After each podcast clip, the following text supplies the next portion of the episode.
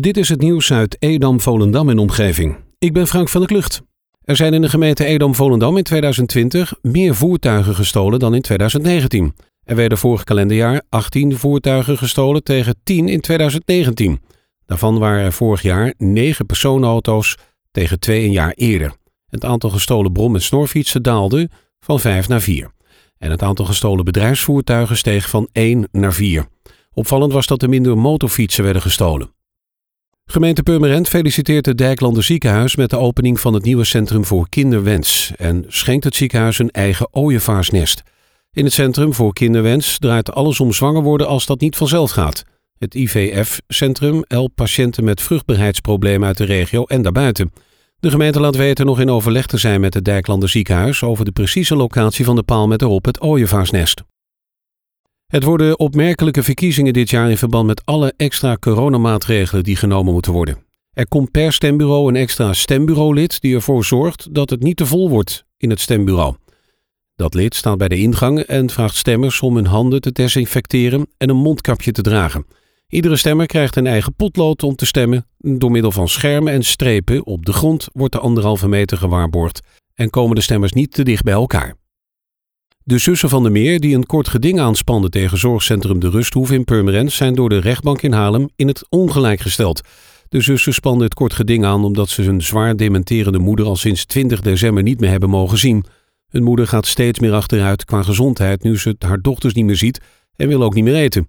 De Rusthoeve is sinds december hermetisch afgesloten voor bezoek omdat er een grote corona-uitbraak was. De Rusthoeve gaf in de rechtbank aan dat als zij de zussen toegang tot het huis zouden geven, waarschijnlijk meer mensen dat willen. Art Hotel Spaander aan de haven in Volendam is verkocht. Dat melden diverse bronnen aan NH Nieuws. Het hotel, dat wereldberoemd is door de kunstwerken die er hangen, werd in mei vorig jaar failliet verklaard. Vooral bij toeristen uit Azië was het hotel populair en heeft het door de coronacrisis zwaar te verduren gehad. Hotel was al sinds 21 maart gesloten. Verschillende mensen op de dijk in Volendam vertellen dat het hotel is overgenomen door Remco Hellingman uit Warder. Hellingman wil zelf nog niet reageren op de berichten. Opnieuw verdrietig nieuws voor 3J-zanger Jan Dulles. De zanger uit Volendam deelt op zijn Facebook dat zijn vader is overleden. In december verloor Jan en zijn vrouw Carolien een drie maanden oude dochter Donna. De zanger brengt via Facebook een eerbetoon aan zijn vader en doet dat aan de hand van het liedje Betere Jaren. Rust zacht, ouwe, je werk zit erop, zo schrijft hij. De vader van Jan had de ziekte van Alzheimer en zat al vijf jaar in een verzorgingstehuis. Jan Keuken is 77 geworden. Het aantal mensen in Zaanstreek-Waterland dat afgelopen week positief is getest op het coronavirus is gedaald ten opzichte van de voorgaande periode. Dat blijkt uit cijfers van het RIVM dat NH Nieuws met hulp van Local Focus inzichtelijk heeft gemaakt. In de regio is nog steeds het risiconiveau zeer ernstig van toepassing. In de gemeente Edam-Volendam zijn naar verhouding de meeste coronabesmettingen geregistreerd. Afgelopen week waren dat er 149. FC Volendam heeft gisteravond de inhaalwedstrijd tegen Go Ahead Eagles winnend afgesloten. De zondag wegens de vorst afgelaste wedstrijd eindigde in 1-3.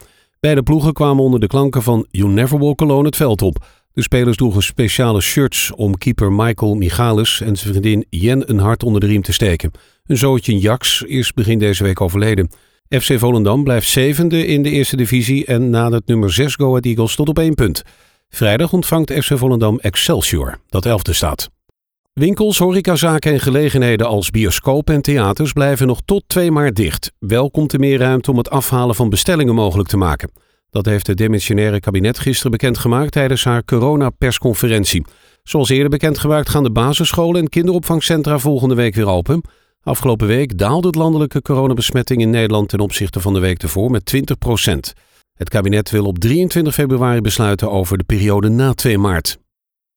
Tot zover het nieuws uit Edam, Volendam en omgeving. Meer lokaal nieuws vindt u op de Love Kabelkrant, onze website of in de app.